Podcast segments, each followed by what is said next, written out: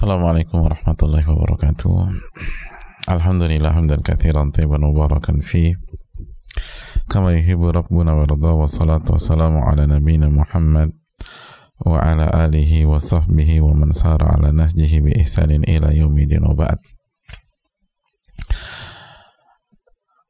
Hadirin yang Allah muliakan, Bismillah kita meminta pertolongan dan keberkahan kepada Allah Subhanahu wa taala dengan menyebut namanya. Lalu kita memuji dan memuji Allah Jalla wa ala, bersyukur kepadanya atas segala nikmat yang Allah berikan dan Allah limpahkan kepada kita. Nikmat yang tidak mungkin kita bisa sebutkan satu demi satu. Wa in ta'udu ni'matallahi la dan jika kalian ingin menghitung nikmat-nikmat Allah maka kalian nggak akan bisa menghitungnya maka marilah kita syukuri. Karena dengan bersyukur Allah akan tambah nikmat tersebut. Dan kalau kita lupa mensyukurinya maka azab Allah sangat pedih. La in syakartum la azidannakum wa la in kafartum inna azabi inna azabi la syadid. Jika kalian bersyukur maka aku akan tambah nikmat tersebut. Dan kalau kalian kufur tidak bersyukur ketahuilah azabku sangat pedih maka hadirin Allah muliakan marilah kita awali dengan meminta pertolongan dan bersyukur kepada Allah subhanahu wa ta'ala sebagaimana salawat beriring salam semoga senantiasa tercurahkan kepada junjungan kita Nabi kita Sayyidina Muhammadin Sallallahu Alaihi Wasallam beserta para keluarga, para sahabat dan orang-orang yang istiqomah berjalan di bawah naungan sunnah beliau sampai hari kiamat kelak. Hadirin Allah muliakan masih bersama Riyadus Solihin salah satu kitab terbaik di dunia masih bersama Al-Imam Nawawi Al-Imam Yahya bin Sharaf bin Murri rahimahullah semoga Allah merahmati beliau, keluarga beliau, seluruh orang-orang yang beliau cintai, guru-guru beliau, dan seluruh umat Islam di mana pun berada. Hadirin Allah muliakan dan masih bersama nasihat Nabi Wasallam ke Abdullah bin Abbas. Insya Allah dua pertemuan lagi jamaah hari ini dan esok lalu berakhirlah wasiat yang begitu luar biasa ini. Uh, pada kesempatan kali ini kita akan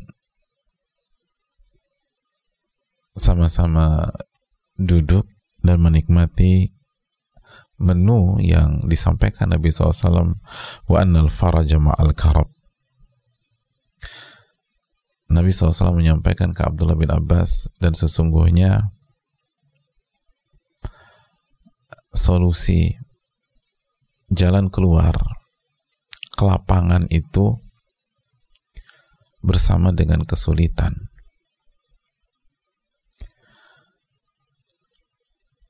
Jadi Nabi SAW sampaikan ke sang sepupu ciliknya ini.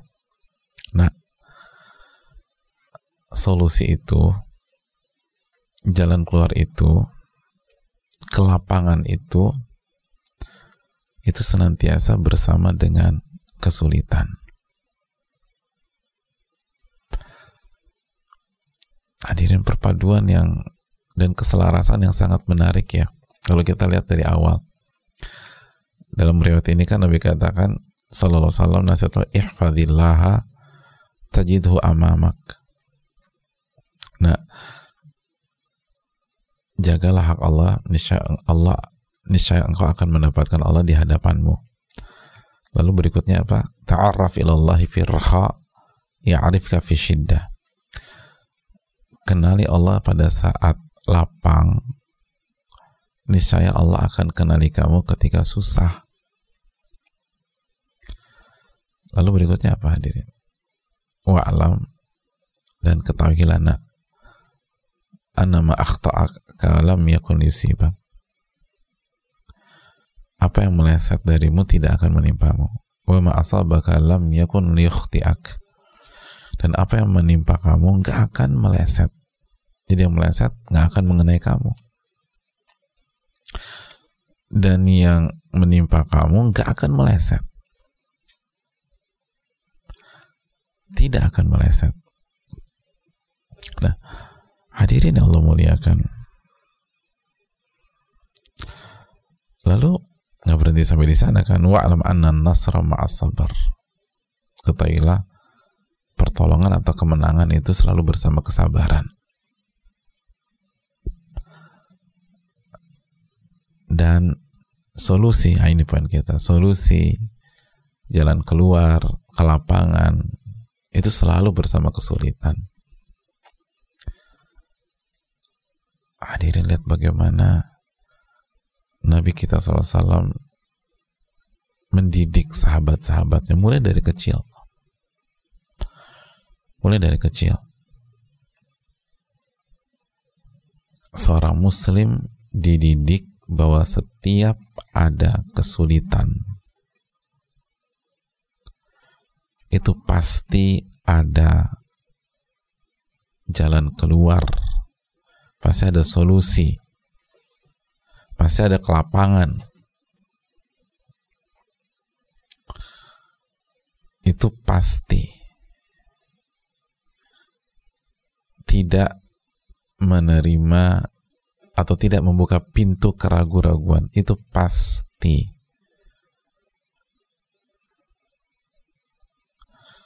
bayangkan dari kecil. Ibnu Abbas dididik seperti ini. Dari kecil. Disampaikan nak. Bersama dengan kesulitan ada kemud ada kelapangan. Ada solusi. Ada jalan keluar itu pasti hadirin pasti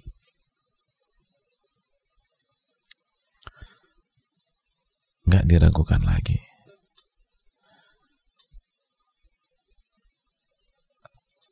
Dan ini adalah firman Allah Subhanahu wa taala dalam surat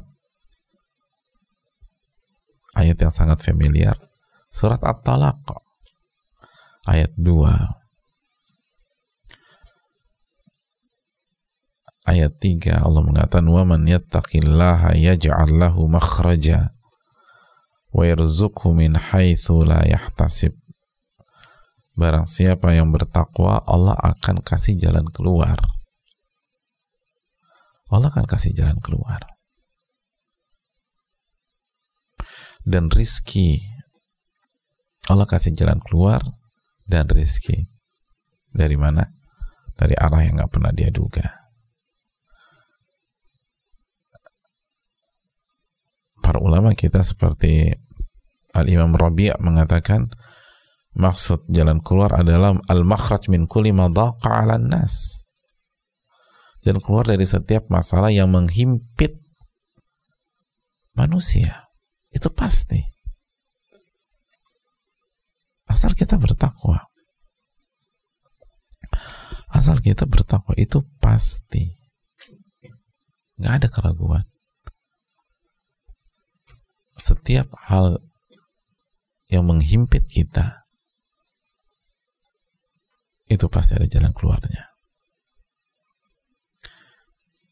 Itu pasti ada jalan keluar.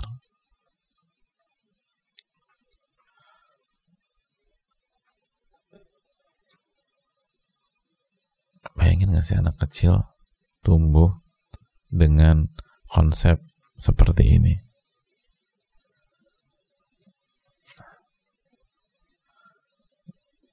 kira-kira dia akan minder nggak di sekolah? Dia akan kena panic attack apa enggak? Dia akan depresi apa enggak? Ketika dia nggak bisa matematik misalnya, atau dia nggak bisa pelajaran fisika. Begitu itu problem banget dan masalah besar banget dalam kehidupannya.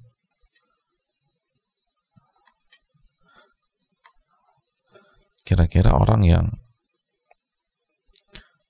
mencoba bisnis terus gagal, terus coba lagi gagal, nyoba lagi gagal, nyoba lagi gagal, dia akan putus asa apa enggak?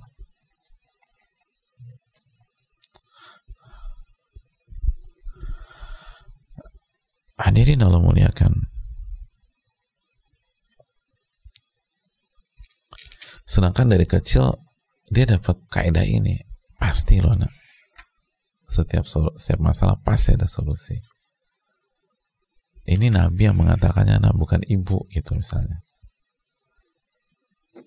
Ini Rasul SAW yang menyatakannya nak bukan ayah. Ayah mah nggak ngerti apa-apa. Tapi Rasul tahu Oh luar biasa jemaah.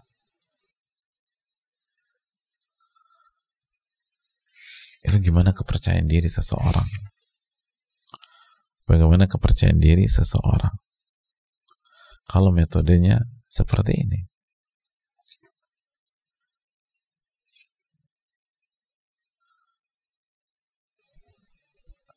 Dia nggak akan minder, dia nggak akan terpuruk, dia nggak akan terjatuh.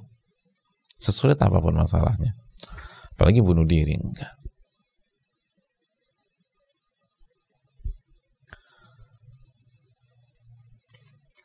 karena bagi dia nggak ada jalan buntu. Nggak ada kartu mati. Nggak ada skakmat dalam masalah kehidupan nggak ada. Skakmat itu hanya dalam catur.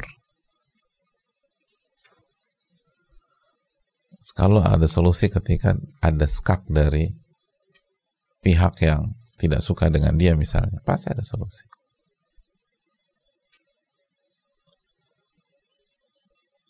Karena Nabi yang mengatakan Al-Faraj ma'al karb.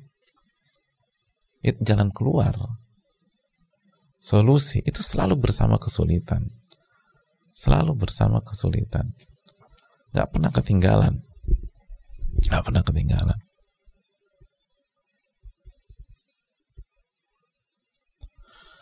Dan ini bukan hanya sabda Nabi SAW secara teori, ini sejarah, fakta menyatakan demikian. Fakta. Ini ayat Al-Quran, ini hadis Nabi SAW, ini fakta.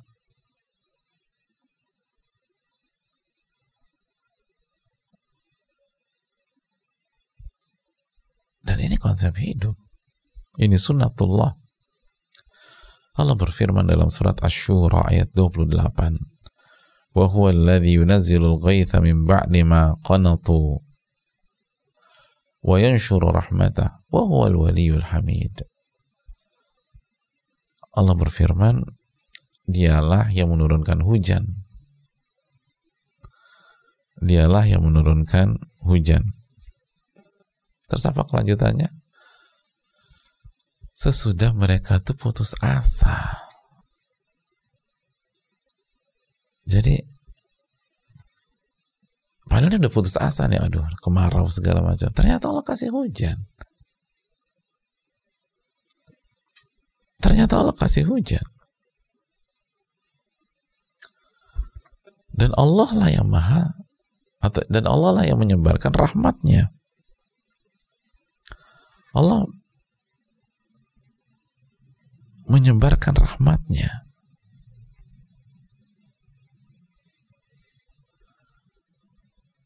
dan dialah yang maha pelindung lagi maha terpuji. Jadi manusia udah putus asa eh Allah turunkan hujan.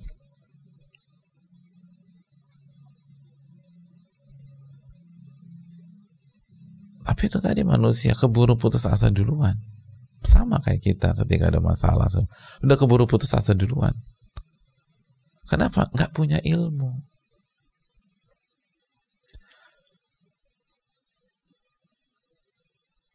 itu itulah pentingnya kita duduk di hadapan firman-firman Allah dan hadis Nabi SAW dan itulah poinnya bahwa yang butuh ilmu tuh kita.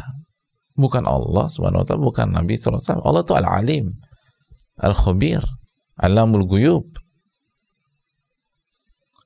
jadi kalau ada kajian datang ikuti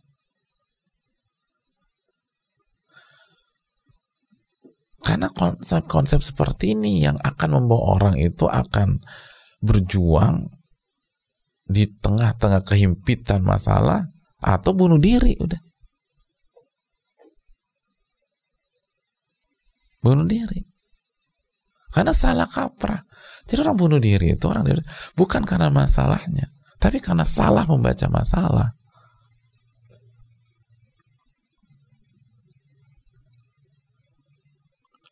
salah dalam membaca masalah hadirin Allah muliakan Karena orang yang belajar agama dan mempelajari konsep ini, dia tahu masalahnya nggak pernah mungkin sepelik, seribet, sesusah para nabi dan rasul. Gak mungkin. Oh Nabi SAW yang bersabda, Asyadun nasi bala'an al-anbiya. Orang yang paling berat ujiannya itu para nabi.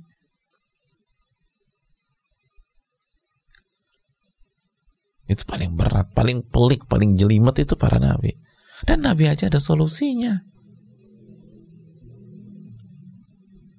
Para nabi itu ada solusinya. Ketika Nabi Ibrahim alaihissalam akan dilemparkan ke kobaran api yang menyala dan melahap seluruh benda yang dilemparkan kepada dia Udah. Dan kejadian dieksekusi, dilemparkan. Semua itu kalau ada komentator,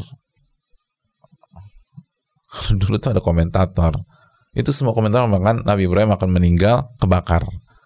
Semua akan komentator akan komen begitu.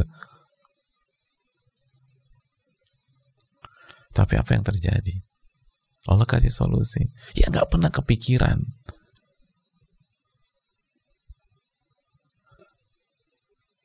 Allah rubah karakter apinya. Allah berfirman dan memerintahkan si api-api tersebut. Ya narukuni bardan wasalaman ala Ibrahim. Wahai api. Wahai api.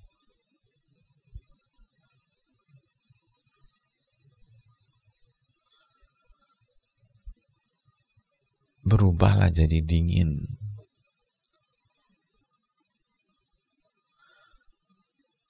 Dan nyaman bagi Ibrahim. Allah. Dingin dan nyaman. Karena dingin aja nggak cukup. Dingin aja nggak cukup. Kita kebiasaan hidup di 30-an derajat tiba-tiba akhir tahun liburan ke sebuah negara yang empat musim begitu dengan santainya pakai kaos t-shirt celana bahan biasa sendal jepit. Pas keluar airport minus 5 duh repot tuh jamaah. Minus 5 dingin. Tapi berantakan tubuh kita. Tapi Nabi Ibrahim enggak. Kuni bardan wasalama. Wahai api, jadilah dingin dan dinginnya itu buat nyaman dan menyelamatkan Nabi Ibrahim. Orang enak. Dingin nyaman. Lagi-lagi orang yang baca sejarah, ngaji, begitu dapat masalah besar di pandemi seperti ini ingat hadis ini wa annal faraja ma'al karab sesungguhnya jalan keluar solusi bersama kesulitan. Lalu langsung ke ayat di atas. Iya Nabi Ibrahim aja ada solusi ya. Nggak mungkin masalah saya lebih berat daripada Nabi Ibrahim. Oh Nabi Ibrahim ada solusi masa saya nggak ada solusi? Bang Nabi SAW mengatakan asyadun nasi balaan anbiya. Orang paling berat ujiannya adalah para nabi.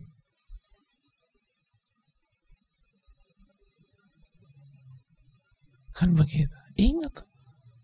Ingat Al-Anbiya ayat 69 itu diingat. Itu gimana coba solusi kalau kita berada di detik-detik itu? Oh suruh-suruh bakar, bakar dia. Lalu dimotivasi secara agama, bantulah Tuhan-Tuhan kalian. Jadi bakar Ibrahim ini adalah dalam rangka membela agama gitu kan. Dilempar, dibakar. Eh, apinya berubah. Gimana coba? Ada yang prediksi sampai ke sana? Gak ada. Makanya mereka hendak membuat makar kepada Ibrahim lalu kita balikkan makar mereka dan menjadikan mereka orang-orang yang merugi.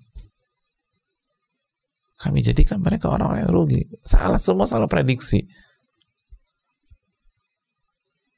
Apa susahnya bagi Allah Jalla wa'ala? Nggak ada susah-susahnya.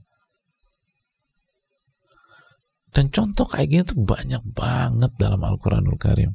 Banyak luar biasa.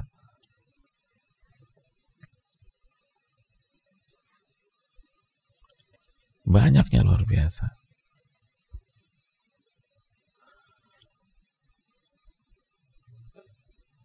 Di kisah-kisah para nabi dan rasul. Lihat bagaimana Allah menolong Nabi Musa. Musa baik, Nabi Musa baik. Itu kan luar biasa jemaah. Dan Allah tolong, Allah Selamatkan Nabi Musa di mana? Di istana musuh besarnya sendiri. Sebagaimana kita dengar ceritanya.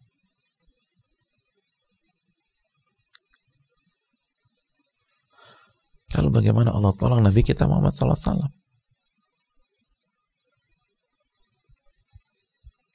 Dan ini bukan hanya untuk para nabi dan rasul saja jamaah. Kita udah pelajari hadis Kaab. Bukankah Allah tolong Kaab? ketika mereka benar-benar merasa sesak di dalam dada mereka. Apa yang oleh Coba ingat lagi kisah Kaab dan kembali putar memori kita ke surat At-Taubah ayat 118. Hatta idza daqat alaihimul ardu dan ketika bumi itu sempit di dalam diri mereka. Bima rohubat, padahal bumi itu luasnya minta ampun, sempit. Sekarang aja masih luas dengan populasi manusia kayak begini, apalagi zaman bahla. Tapi begitulah masalah. Masalah itu bisa buat kita kata, ter, uh, terasa berada di sebuah sel kecil padahal kita bebas ke mana-mana saja. Kayak mentok gitu. Itu kan kalau masalah-masalah berat gitu. Kayak nggak kayak kanan mentok, kiri mentok, depan mentok, belakang mentok, atas mentok, bawah mentok. Seakan-akan kita dalam sel Seakan-akan kita sudah berada di liang kubur, padahal nggak. Padahal Anda mau ke kanan bisa, ke kiri bisa, loncat-loncat bisa. Dan jiwa mereka pun merasa, terasa sempit bagi mereka wadhannu an la malja minallahi illa ilaih dan mereka yakin tidak ada jalan keluar dari hukuman Allah kecuali kembali kepada Allah.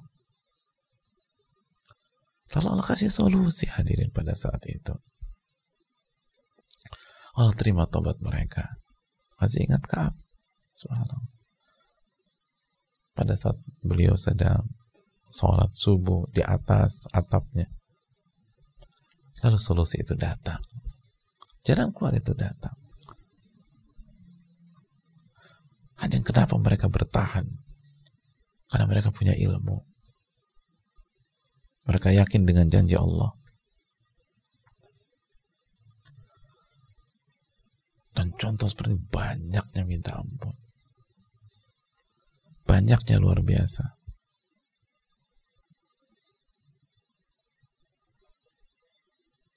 Makanya Umar bin Khattab radhiyallahu taala itu menulis surat ke Abu Ubaidah. Ketika Abu Ubaidah berada di Syam, apa tulis apa nasihat Umar, apa pesan Umar kepada Abu Ubaidah, "Mahma yanzil bi amrika shiddah yaj'al yaj'al yaj'alillahu lahu ba'daha faraja." Atau yaj'alullahu lahu ba'daha faraja. Wahai Abu Ubaidah, seberat apa pun kesulitan yang Allah turunkan kepada Anda, seberat apa pun. Ini Umar kalau tulis surat seberat apa pun. Masalah, kesulitan yang Allah turunkan kepada Anda. Maka yakinlah Allah akan buat jalan keluar dan solusi dari masalah tersebut. Subhanallah. Ini pesan-pesannya jemaah.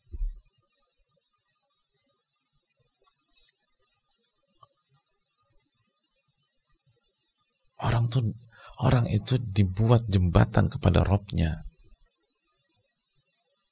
Bukan diarahkan ke makhluk, ke makhluk, ke makhluk, ke manusia, ke manusia, manusia. Gak bisa.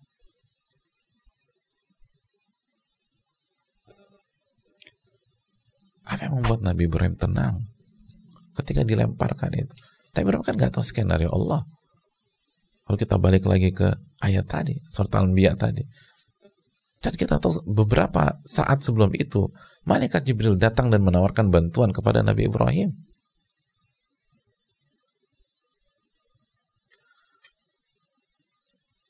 Dan Nabi Ibrahim hanya mengatakan, Hasbi Allah wa ni'mal wakil. Cukuplah Allah yang menolong saya. Dan Allah sebaik-baik pelindung dan penolong. Wih. Bayangin gak sih kita mau dilemparkan ke api, terus malaikat Jibril datang, bisa kita ngomong begitu? Cukuplah Allah pelindung saya. Ya, malaikat Jibril datang.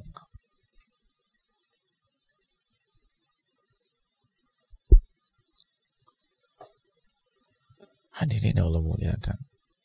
Sesungguhnya bersama kesulitan pasti ada jalan keluar dan solusi. Walaupun kita pikir udah mentok, udah uh, kita udah bingung mau ngapain, nggak bisa. Kita pikir gagal udah hancur semuanya. Hadirin jangan lupakan kehebatan Allah Jalla wa'ala.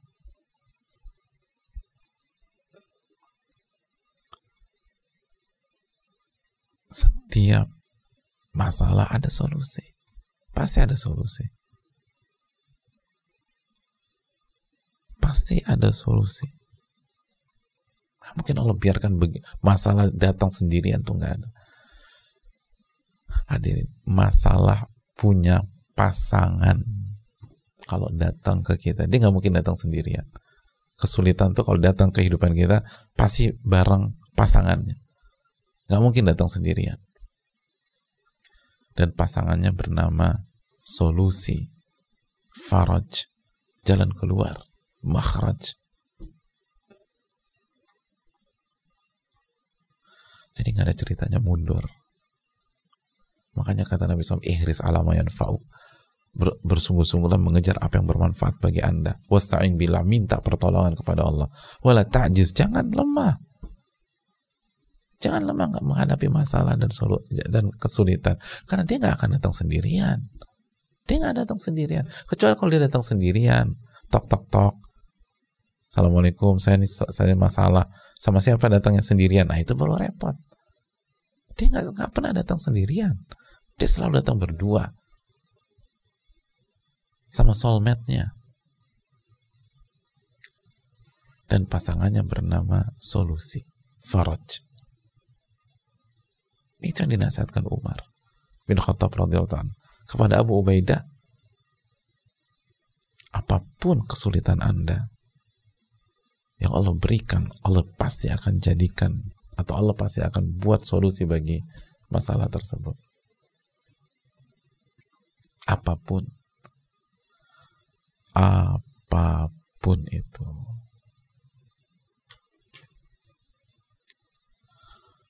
Oleh karena itu hadirin Allah muliakan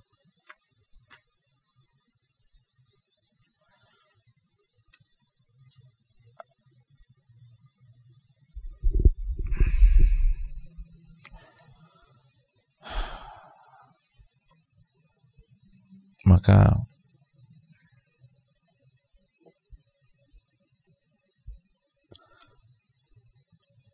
Kalau kita pahami konsep ini jemaah sekalian,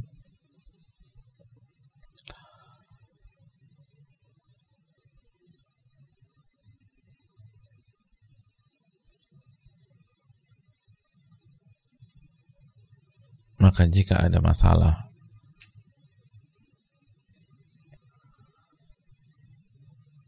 itu ada kesulitan. Jangan benamkan pikiran kita pada kesulitan tersebut. Lakukan langkah-langkah yang diajarkan Nabi Shallallahu Alaihi Wasallam.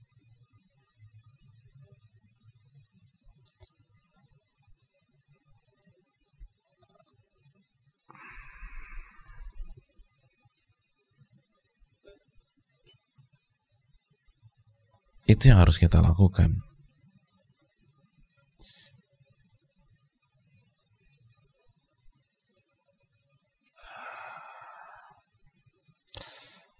Dan semua akan ada solusinya. Semua akan ada solusinya.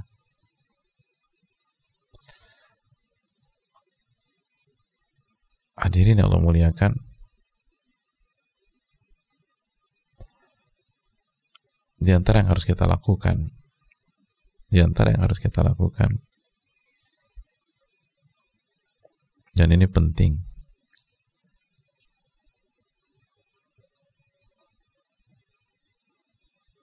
kembalikan kepada Allah. Dan kembalikan kepada manusia. Kalaupun kita ke manusia, itu hanya ke manusia yang tahu dan mengerti ilmu Allah Subhanahu wa taala. Sehingga kita bisa benar-benar mengembalikannya kepada Allah Jalla wa ala.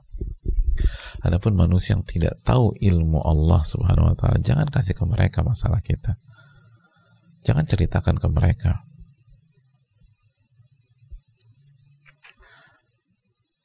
Hadirin Allah muliakan.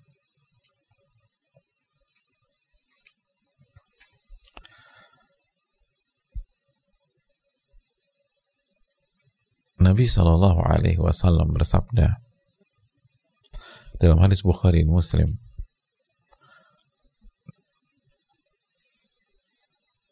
kalimatul faraj, kalimat yang akan menghadirkan solusi, mendatangkan jalan keluar dalam setiap masalah dan kesulitan adalah la ilaha illallahul halimul karim. La ilaha illallahul aliyul azim. La ilaha illallah rabbus samawat as-sab' wa rabbul arshil karim. Itu hadits Abdullah bin Abbas yang dibawakan juga oleh Al-Imam Ibn Abdi Dunia dalam Al-Faraj Ba'da Shiddah kalimat yang mendatangkan jalan keluar dan solusi adalah ilaha illallah alimul karim. La ilaha illallah yang maha halim dan maha karim. La ilaha illallah aliyul azim. La ilaha illallah yang maha ali tinggi Al-Azim yang maha agung. La ilaha illallah Rabbus samawati sabah. La ilaha illallah Rabbnya tujuh lapis langit. Rabbul arshil karim. Dan Rabbnya arsh yang mulia. Coba kita renungkan. Ketika kita menghadapi masalah-masalah yang pelik luar biasa Sudahkah kita baca kalimat di atas? Sebelum kita frustasi, sebelum kita depresi, sebelum kita berpikir untuk bunuh diri. Sudahkah kita baca kalimat di atas? Kalau sudah dibaca, seberapa yakinkah kita dengan kalimat-kalimat tersebut?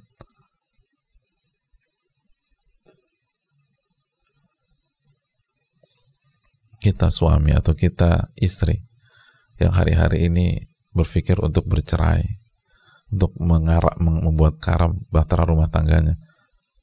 Sudahkah kita baca kalimat di atas?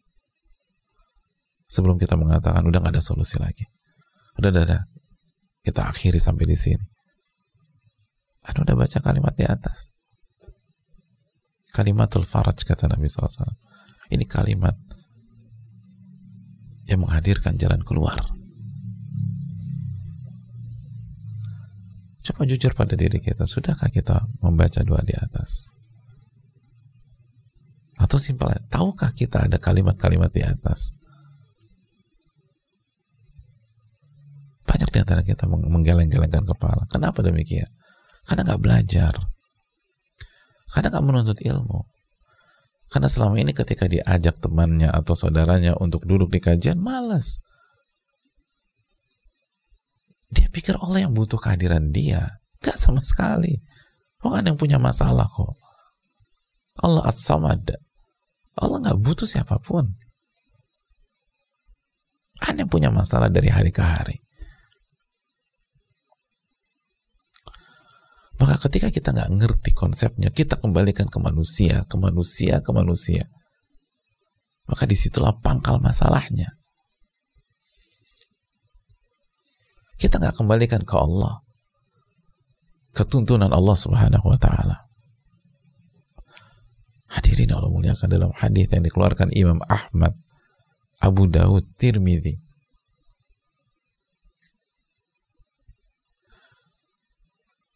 dari Abdullah bin Mas'ud Rasulullah SAW mengatakan man nazalat bihi hajah fa'anzilha bin nasi lam tusaddu faqatuhu. Barang siapa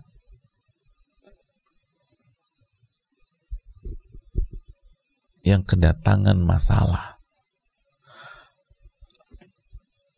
lalu masalah itu ketika ada masalah yang dicari manusia katanya masalahnya tidak akan diurai sama Allah Subhanahu wa taala. Fa in anzalaha billah aw syakallahu lahu bi ajalin hadir aw rizkin ajil. Tapi kalau dia kembalikan ke Allah masalah tersebut, maka dalam tempo yang singkat, dalam tempo yang singkat, Allah akan kasih solusi dan Allah akan kasih rizki yang cepat. Tapi dia nggak bawa ke Allah, dia bawa ke manusia. Jadi bukan Nabi yang salah apalagi berbohong. Anda yang tidak menggunakan konsepnya. Katanya Al-Faraj mal karob. Saya ini buntu selama 3, 4, 5 tahun. Anda ngapain selama 3, 4, 5 tahun? Sudahkah Anda sujud kepada Rabbul Alamin? Minta kepada Allah. Baca nggak kalimat di atas itu tadi? Lalu setelah itu berikhtiarkah kita dengan jalan yang halal?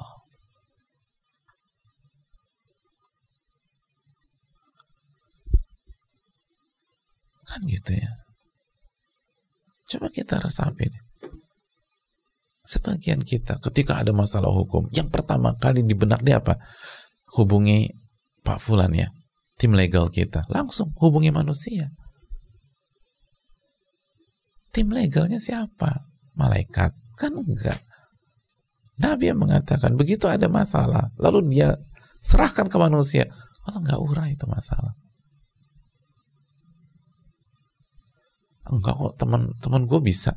Oh, emangnya hidup hanya dari satu kotak satu angle. Coba lihat keseluruhannya. Nabi yang katakan Allah nggak tutup itu masalah.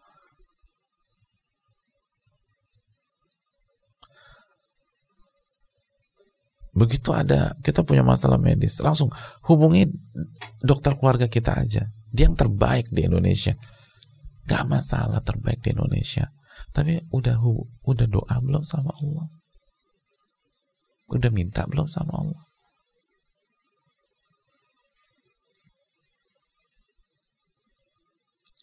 Ketika kita lagi butuh uang, cash uang, tunai dalam hitungan jam saja, yang kita ingat teman kita yang kaya yang selama ini bantu kita. Langsung telepon. Eh udah wudhu belum? Lalu sujud. Lalu minta sama Allah.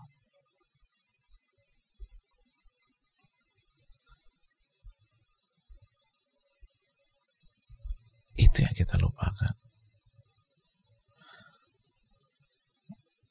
Kembalikan dulu ke Allah jamaah.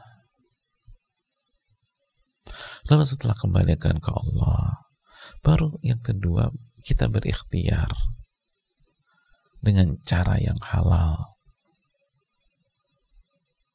Dengan cara yang tidak melanggar syariat. Dengan tuntunan Allah dan Rasulnya. Itu konsepnya. Itu yang dilakukan Nabi Musa ketika ngadepin masalah dan kesulitan yang nama yang bernama Firaun ya Allah itu masalah ribetnya minta ampun Firaun masalahnya Nabi Musa tapi solusinya bukan pesimis. Solusinya bukan mundur. Bahkan ketika Allah suruh Nabi Musa untuk maju maju idhaba ila fir'auna innahu taqah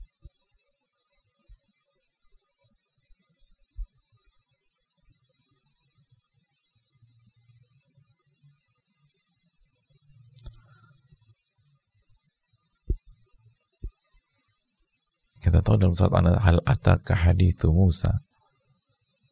Idnada rabbuhu bil wadil muqaddas itu idhab ila fir'auna innahu tagha. Pergi ke Fir'aun. Ya Allah itu Fir'aun itu sumber masalah hadirin. Tapi tuntunan Allah kepada Nabi Musa datengin justru.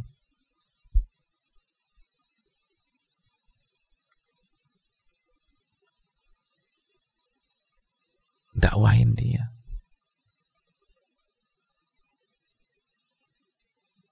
Coba kalau Nabi Musa pakai logika-logika kita tuh, ya nggak bakalan mau lah.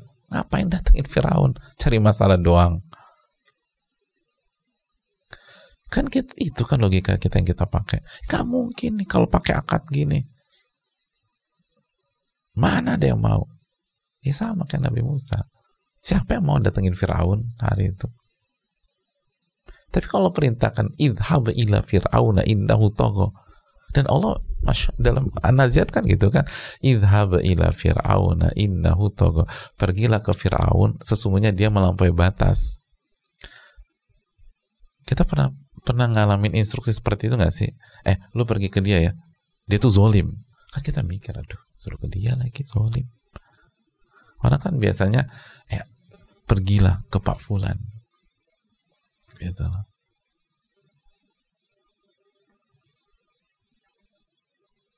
kita bilang mas pergi ke uh, bang antum pergi ke mas Arif mas Arif tuh orangnya baik. Kan biasa gitu kita tuh. Dia baik tuh. Pergi ke sana. Oh nanti dimuliain. Itu baru perintah yang enak. Ini perintahnya idhab ila fir'auna innahu toko pergilah ke Fir'aun. Itu orang ngelampaui batasnya minta ampun.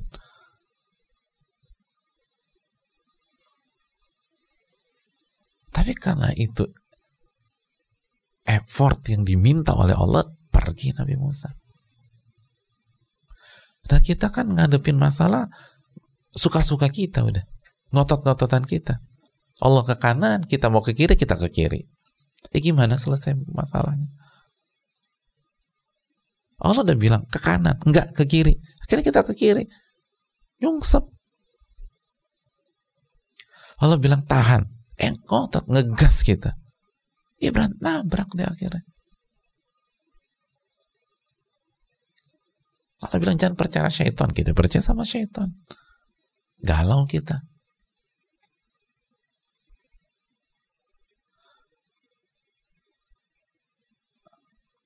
Allah bilang jadi hamba deh. Eh kita jadi bos. Dan gayanya bosi. Ya gimana mau jadi solusi, mau dapat solusi? Udah ikut Allah Jalla wa'ala.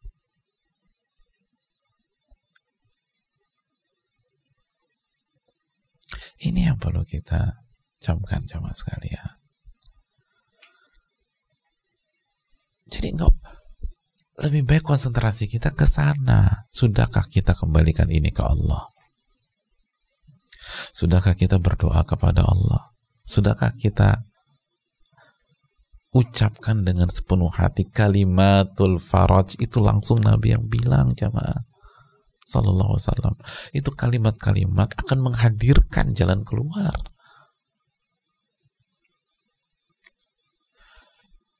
Nasihat, advice dari teman-teman kita belum tentu jalan keluar, walaupun dia sehebat apa pun seekspert apa pun, emangnya dia tahu masa depan? Belum tentu.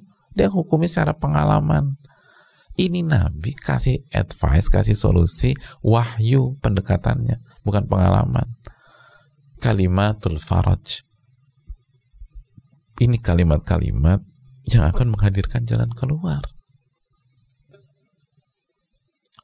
Baru setelah itu, udah berjuang, ikhtiar sesuai dengan apa yang Allah tuntutkan dan nabinya SAW arahkan.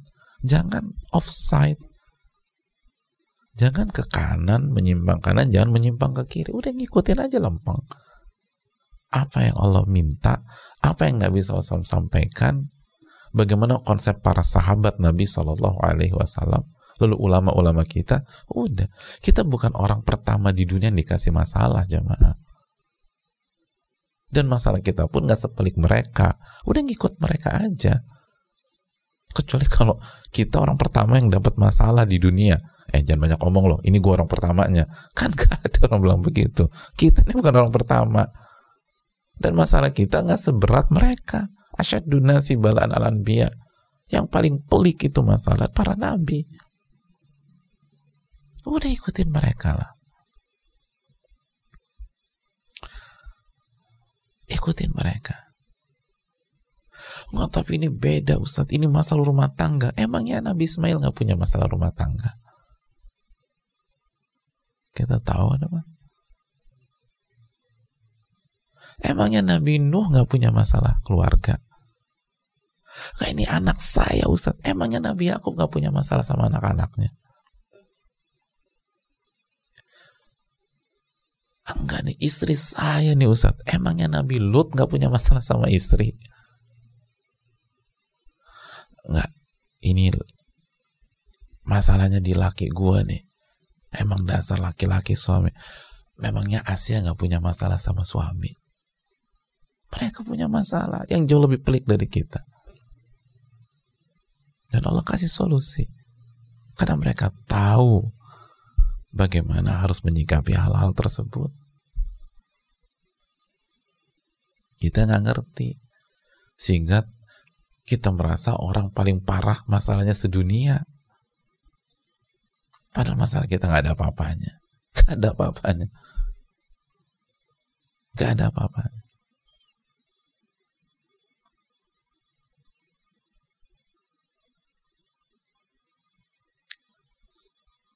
Oleh karena itu hadirin Allah muliakan. Anda kembalikan ke Allah. Lalu berjuang deh.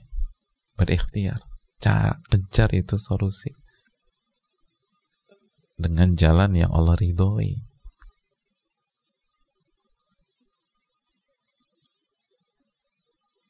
Dengan jalan yang Allah ridhoi. Dan jangan ngandelin makhluk. Makhluk juga punya banyak masalah hadirin masalah dia jadi nggak ngerti apalagi masalah kita sering kali. Itu yang semoga bisa diserap dan semoga jadi ilmu yang bermanfaat bagi yang berbicara dan mendengarkan. Annal faraja ma'al karbi. Sesungguhnya solusi itu bersama dengan kesulitan kesulitan tidaklah hadir sendirian ke dalam kehidupan kita. Dia selalu hadir bersama pasangannya. Dan pasangannya bernama solusi. Solusi.